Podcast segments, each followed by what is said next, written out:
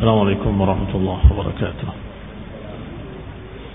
إن الحمد لله نحمده ونستعينه ونستغفره ونعوذ بالله من شرور أنفسنا ومن سيئات أعمالنا من يهده الله فلا مضل له ومن يضلل فلا هادي له وأشهد أن لا إله إلا الله وحده لا شريك له وأشهد أن محمدا عبده ورسوله صلى الله عليه وعلى آله وأصحابه والتابعين وتابع التابعين ومن تبعهم بإحسان إلى يوم الدين.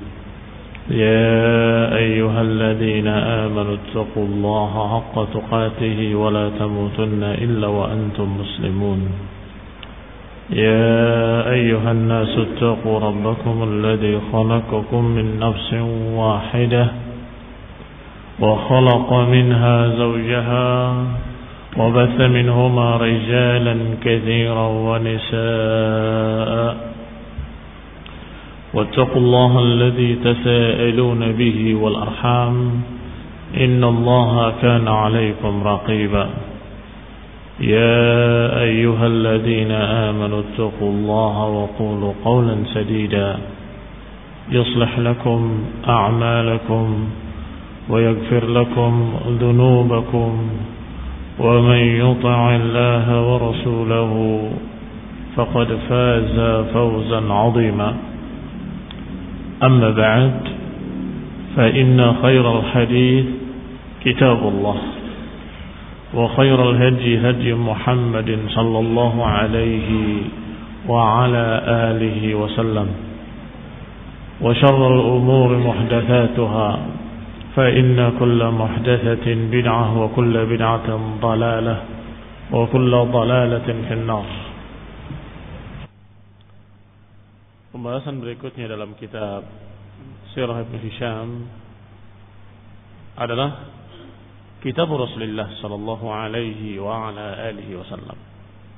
Tulisan surat perjanjian Rasulullah sallallahu alaihi wa ala alihi wasallam yang beliau tulis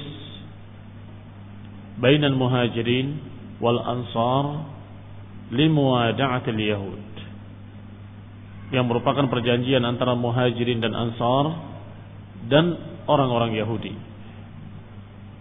Berkata Ibn Ishaq rahimahullahu taala, "Wa kataba Rasulullah sallallahu alaihi wa ala alihi wasallam kitaban bainal muhajirin wal ansar."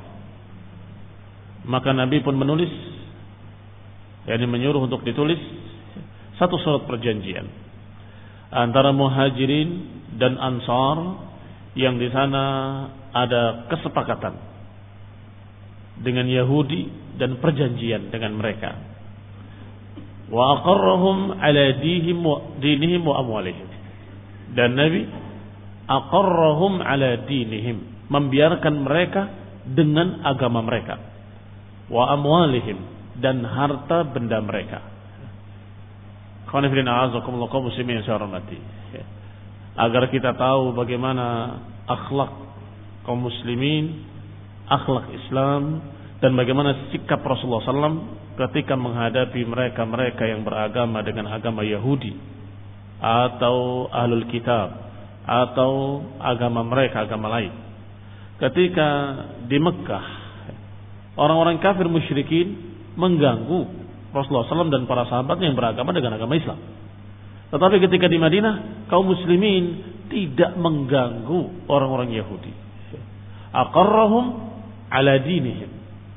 Yani ditetapkan, dibiarkan mereka dengan agama mereka dan harta mereka.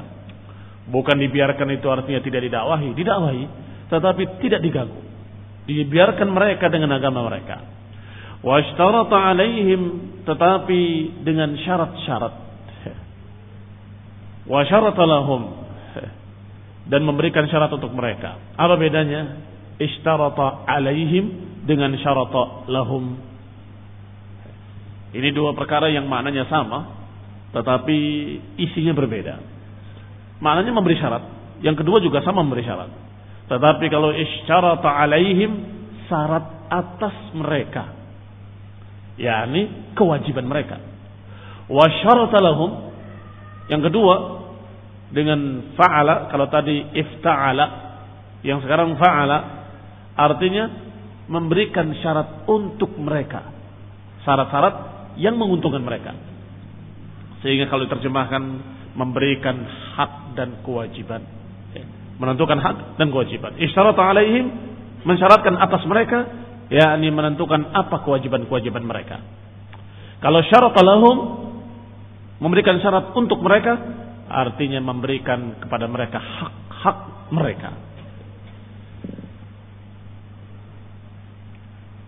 Isinya sebagai berikut.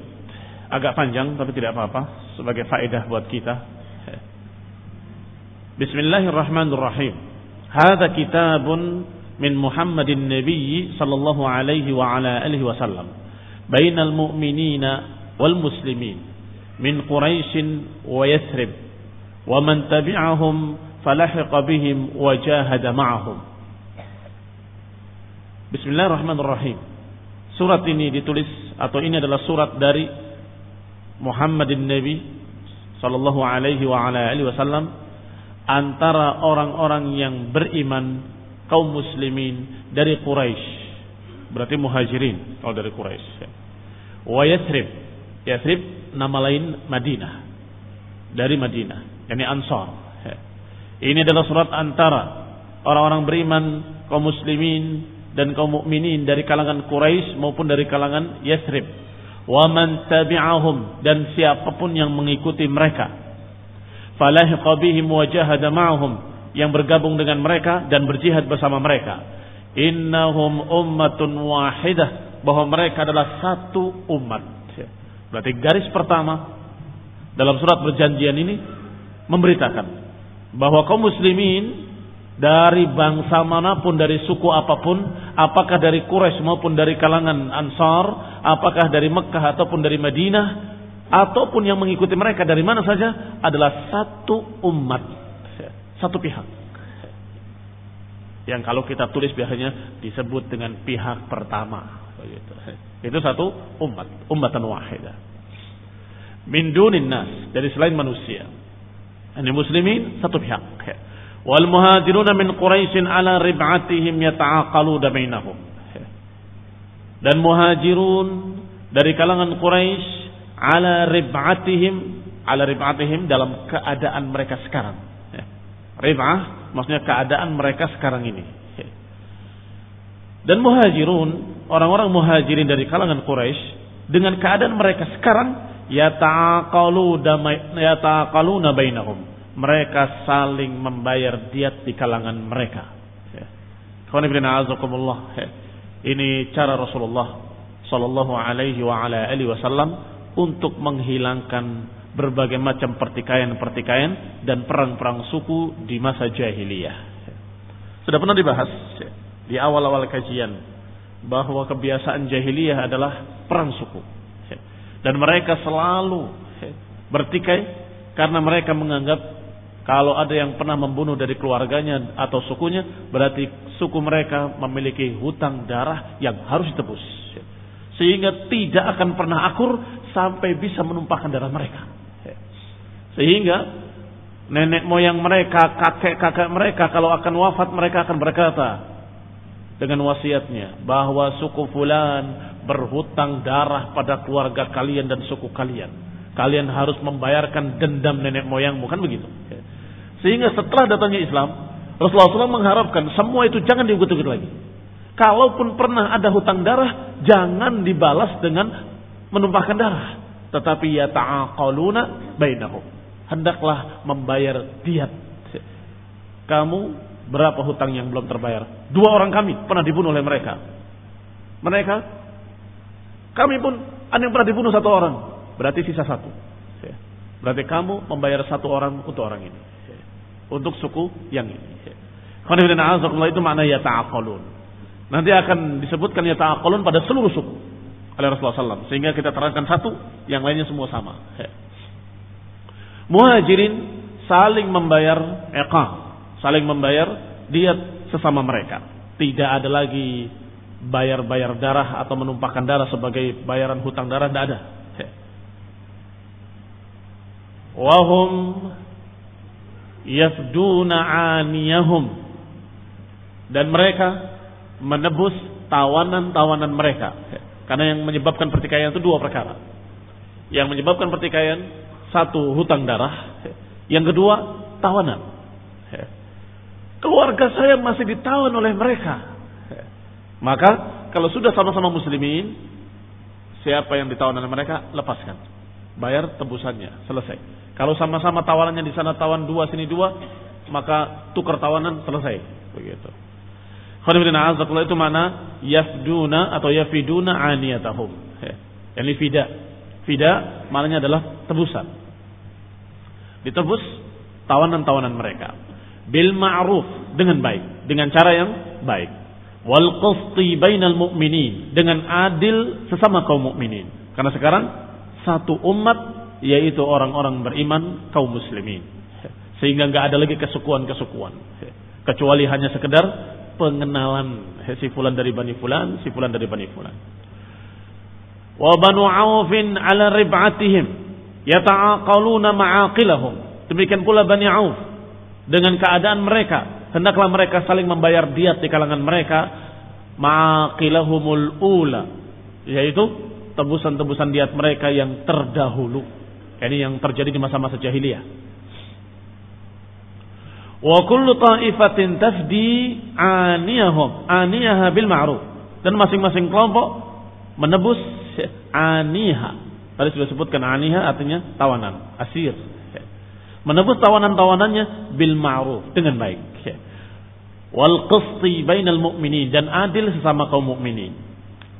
Maka yang selanjutnya sama wa banu sa'idah ala rib'atihim yata'aqaluna ma'aqilahum al-ula wa kullu ta'ifatin minhum tafdi aniha bil ma'ruf wal qist bainal mu'minin demikian pula banu al-harith wa banu al-harith ala rib'atihim yata'aqaluna ma'aqilahum al-ula wa kullu ta'ifatin tafdi aniha bil ma'ruf wal qist bainal mu'minin demikian pula banu jusham ala rib'atihim dalam keadaan mereka. Yata'aqaluna ma'aqilahumul ula mereka saling membayar diat-diat mereka yang terbunuh. Wa kullu ta'ifatin minhum tafdi aniha dan masing-masing golongan masing-masing suku menebus tawanan-tawanannya dengan baik dengan adil di antara orang beriman. Wa bani najjar demikian pula bani najjar ala rib'atihim dengan keadaan mereka yata'aqaluna ma'aqilahumul ula. Wa kullu ta'ifatin minhum tafdi aniha bil ma'ruf wal qisti bainal mu'minin wa banu Amr ibn Auf ala rib'atihim dengan keadaan mereka sekarang. Yata'aqaluna ma'aqilahu. Selalu disebut dengan kalimat ala rib'atihim ala rib'atihim. Artinya penyelesaian ini untuk yang telah lalu. Untuk yang akan datang haram. Tidak boleh saling membunuh. Tidak boleh saling menawan sesama orang beriman. Kalau untuk yang akan datang, tentunya orang yang membunuh, apa hukumnya? Kesas. Wa inna fil qisasi hayatun ya ulil albab. Dan sungguhnya dalam kisah itu ada kehidupan wahai ulil albab. Sehingga untuk yang akan datang kisah mereka takut.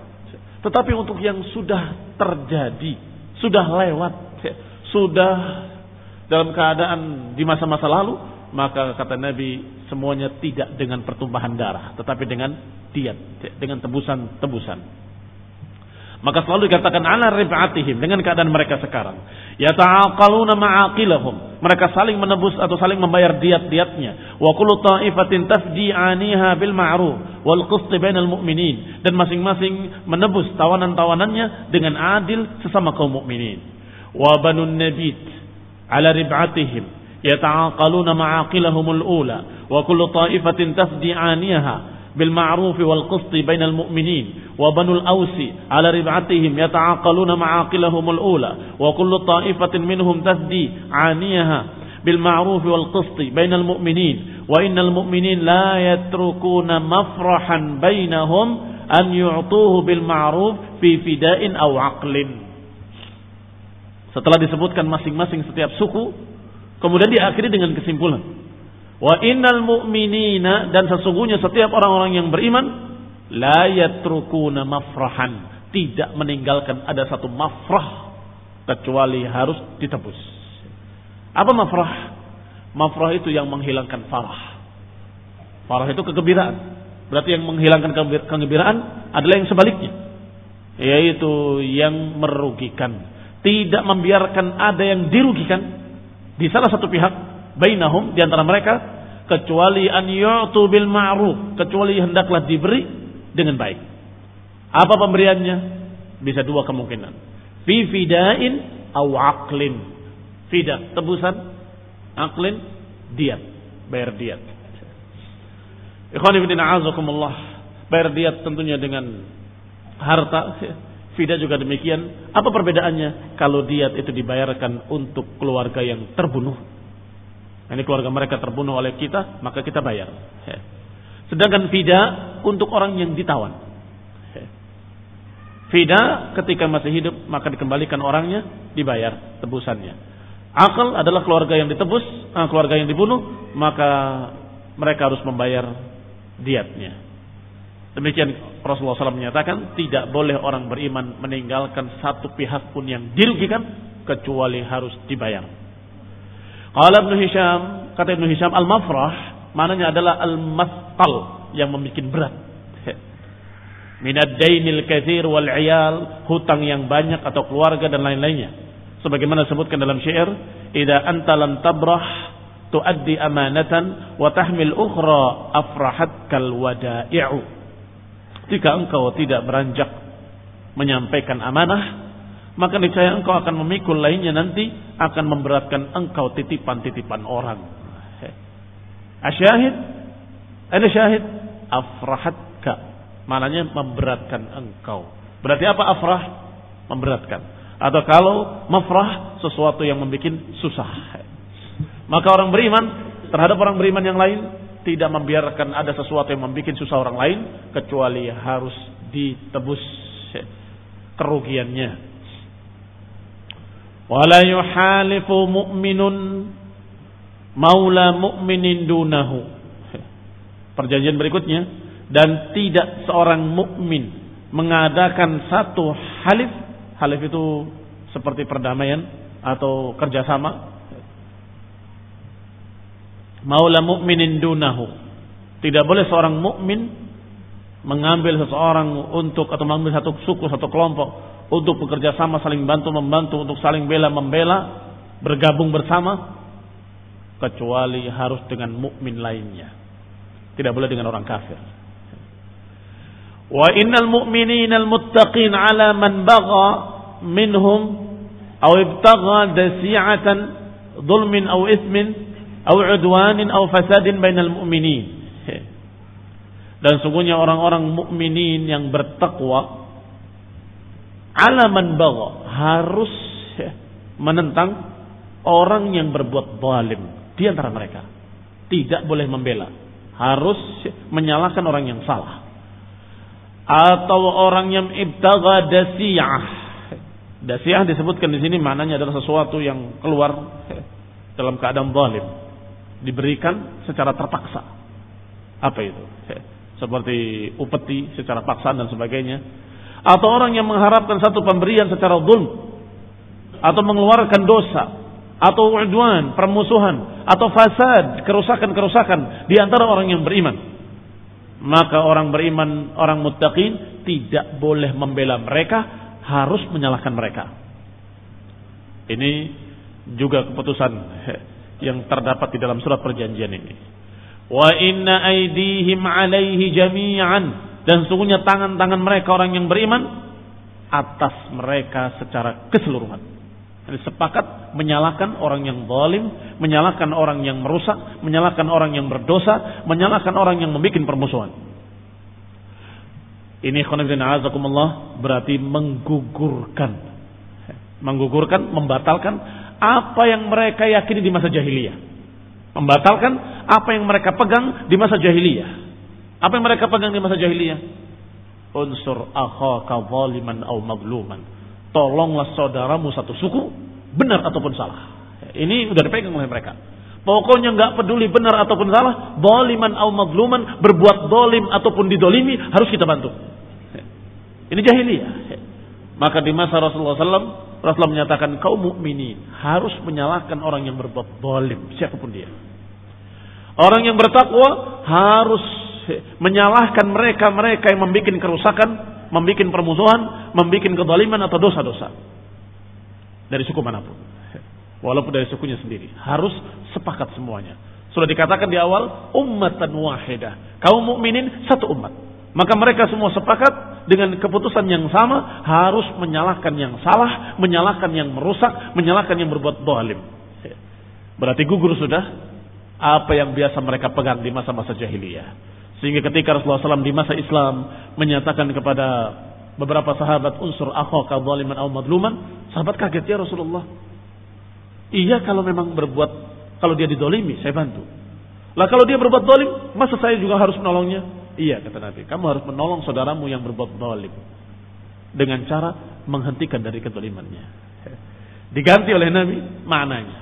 Walaupun kalimatnya sama unsur akhaka zaliman aw madluman, tetapi maknanya tolonglah saudaramu dalam keadaan dia didolimi ataupun dia berbuat dolim. Kalau dia didolimi, bela dia. Bantu dia, tolong dia. Kalau dia berbuat dolim, tolong dia dengan cara menghentikan kedolimannya. Ini makna yang benar di masa Islam. Adapun di masa jahiliyah, mereka pokoknya satu suku harus dibela. Walaupun zalim. Ini khonifin azakumullah adalah batil. Pemikiran-pemikiran jahiliyah, pemikiran-pemikiran kabiliyah. Kesukuan. Qala ditulis pula di dalamnya wala yaqtulu mu'minan mu'minan fi kafirin dan tidak boleh seorang beriman membunuh orang yang beriman untuk seorang yang kafir. Apa maknanya? Yani kalau seorang yang beriman ya, dibunuh karena orang beriman yang lain itu kisos. Ya. Kalau orang beriman membunuh maka dia terkena kisos. Ya. Dibunuh juga. Tetapi kalau yang dibunuhnya mukmin, tetapi kalau yang dibunuhnya kafir tidak ada kisos. Ini makna kalimat la yaqtulu mu'minun mu'minan fi kafirin. Tidak boleh seorang beriman dibunuh oleh orang beriman yang lain karena seorang yang kafir. Karena orang beriman itu membunuh orang kafir tidak. Kalau orang kafir yang dibunuh, yang ada adalah diat. Bukan kesal. Wala yansur kafiran ala mu'min. Peraturan berikutnya, tidak boleh menolong orang kafir terhadap orang yang beriman. Tidak boleh menolong orang kafir terhadap orang yang beriman. Wa inna dhimmatallahi wahidah dan sesungguhnya jaminan Allah Subhanahu wa taala itu adalah sama, satu. Yujiru aliyahum adnahum. Dhimmatullah perlindungan yang Allah berikan atau lebih tepatnya hak perlindungan yang Allah berikan kepada orang beriman itu wahidah, itu sama satu. Yujiru alaihim adnahum. Bisa melindungi siapa pun. Oleh siapa pun. Walaupun adnahum. Walaupun orang yang terendah sekalipun. Mudah-mudahan masih ingat apa mana jiwar. Apa mana jiwar? Hah? Tidak ada yang bisa masuk ke Mekah ketika mereka pulang dari Habasyah kecuali bijiwarin. Kecuali dengan jiwar. Apa itu jiwar? Hah? Perlindungan. Yani ada yang masuk dengan jiwar dari Walid bin Mughirah. Aku lindungi dia. Siapa yang mengganggu dia berarti berurusan denganku. Itu namanya jiwa. Orang-orang beriman boleh memberikan jiwar. Siapa yang berhak dan siapa yang boleh memberikan perlindungan. Hah? Dijawab di sini dikatakan dalam keputusan surat perjanjian ini bahwa namanya perlindungan dari Allah, Allah berikan haknya kepada seluruh orang beriman sama, wahidah. Bisa diberikan oleh orang yang tinggi, yang mulia, bisa pula diberikan oleh orang terendahnya. Kalau dulu di masa jahiliyah orang rendah memberikan jiwa ditertawakan. Bahwa ini dalam perlindunganku ditertawakan. Kamu punya apa kekuatanmu siapa yang bisa ditertawakan. Karena tidak bisa dia memberikan perlindungan, tidak memiliki kekuatan. Tetapi di masa Islam, orang yang adnakum, orang yang terendah di kalangan kalian, boleh memberikan jiwar dan berhak memberikan jiwar.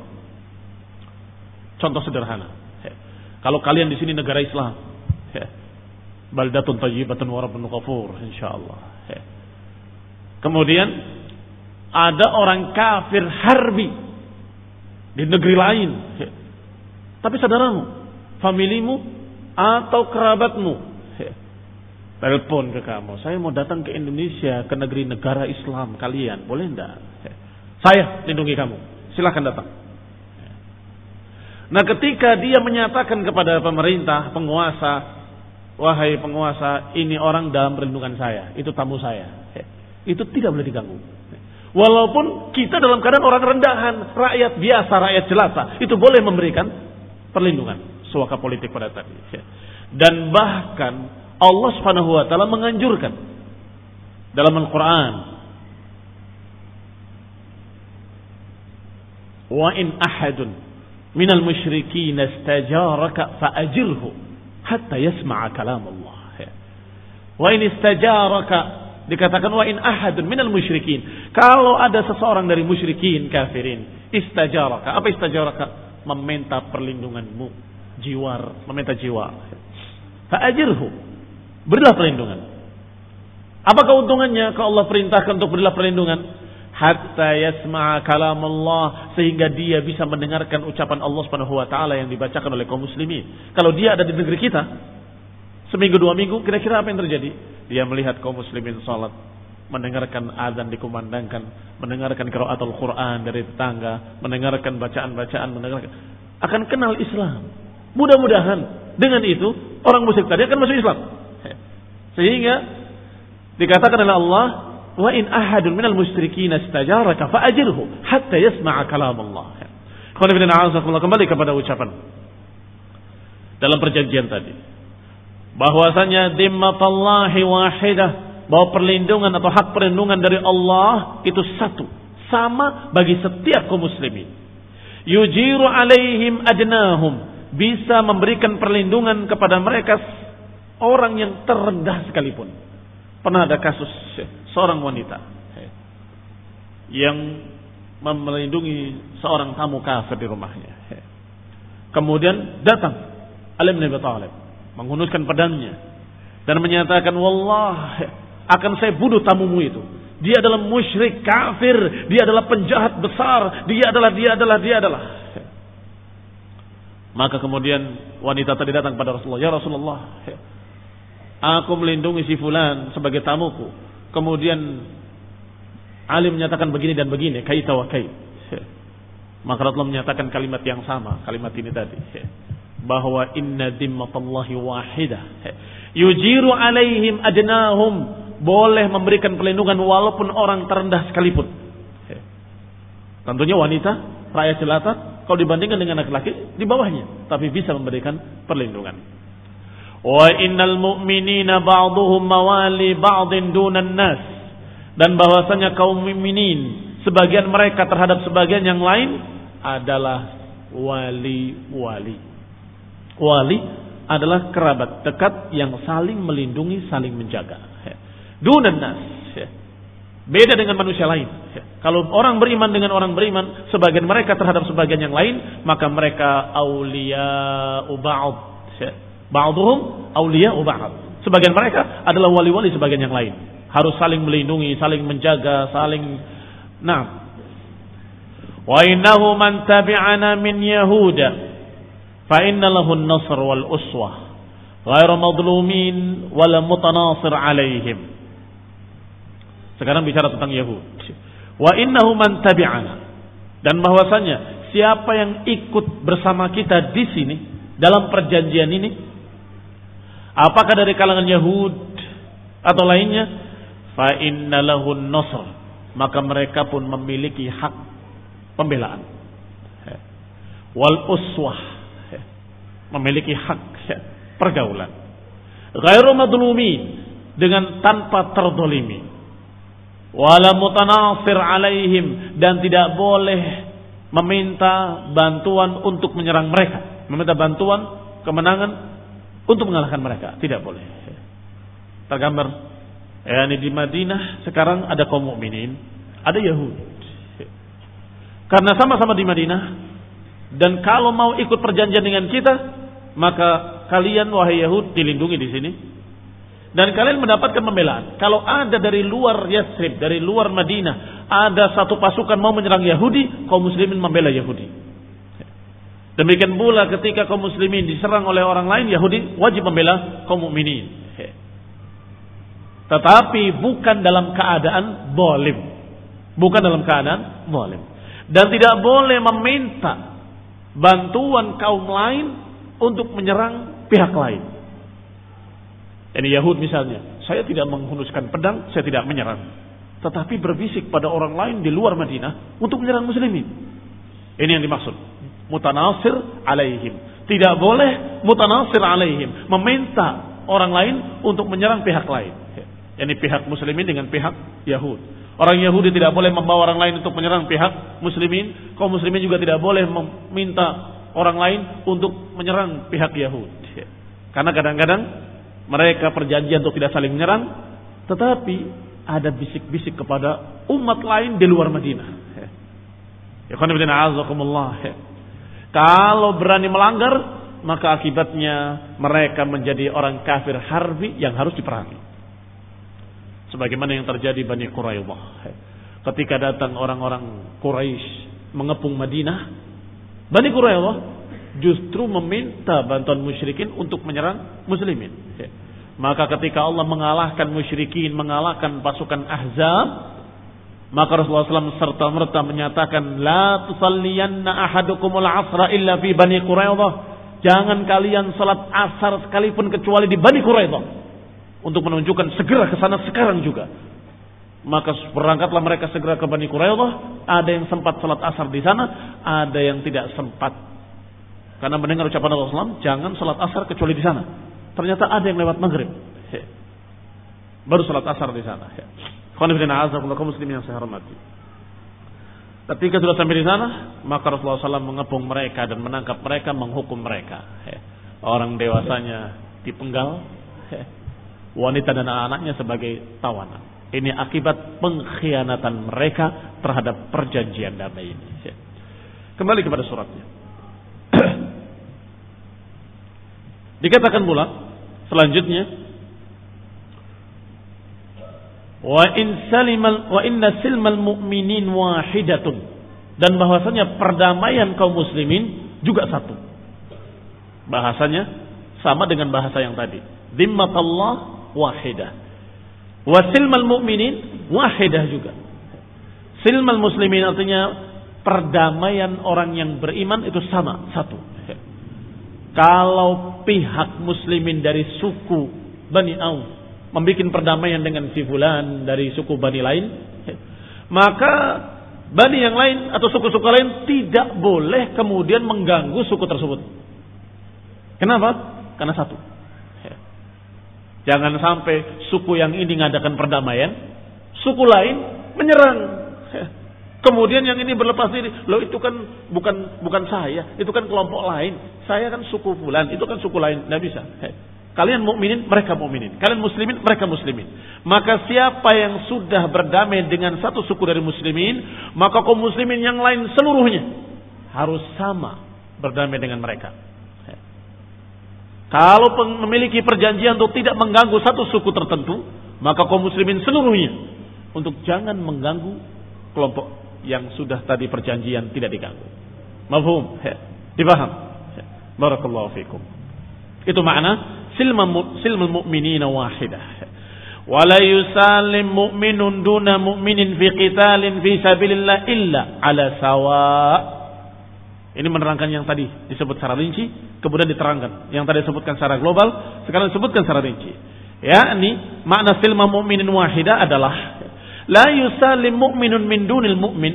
Tidaklah seorang beriman mengadakan perdamaian dengan satu orang lain dalam peperangan fisabilillah kecuali ala sawa, kecuali sama semuanya. Wa adil bainahum dan adil sesama mereka. Wa in wa inna kulla ghaziyatin ghazat ma'ana yaqi ba'daha ba'dan. Dan setiap seorang berperang, ghaziyah, ghazi Maknanya adalah orang yang berjuang, orang yang berperang. Qala in inna kulla ghaziyatin ghazat ma'ana, setiap orang yang bertempur, setiap ghazi yang bertempur bersama kita, maka harus saling dukung mendukung, saling bela membela sebagian mereka terhadap sebagian yang lain. Ya, ini tidak boleh berkhianat. Jangan sampai ketika berperang berbaris satu barisan karena ada satu suku yang dendam dengan suku lainnya di masa jahiliyah, kemudian dalam perang itu mumpung tidak terlihat sikat temannya sendiri yang dulu pernah berhutang darah padanya. Mungkin nggak terjadi. Kalau tidak diperingatkan, dikhawatirkan akan terjadi. Karena mereka di masa-masa jahiliyah masih punya hutang-hutang darah. Apalagi bersama yang lain agama, orang Yahudi misalnya. Begitu berperang bersama, membela mereka dari orang-orang luar, tiba-tiba Yahudi melihat kaum mukminin disikat dari belakang. Dikatakan dalam perjanjian ini tidak boleh. Kalau sudah dalam satu barisan pertempuran, tidak boleh satu orang dengan orang lain kecuali harus saling dukung mendukung, saling bela membela. Wa innal mu'minin yubi'u ba'duhum ala ba'din. Dan sungguhnya orang-orang yang beriman yubi, yubi maknanya ya kuffa atau yamna, membela, melindungi, menahan tangannya, tidak menyakiti. Harus saling melindungi, saling menjaga sebagian mereka terhadap sebagian yang lain bimana dima'ahum fi sabilillah dengan apa yang mereka tumpahkan dari darah-darah fi. Dan ketika berperang fi sabilillah menumpahkan darah fi sabilillah, ingat kaum mukminin semuanya harus saling bahu membahu, saling dukung mendukung.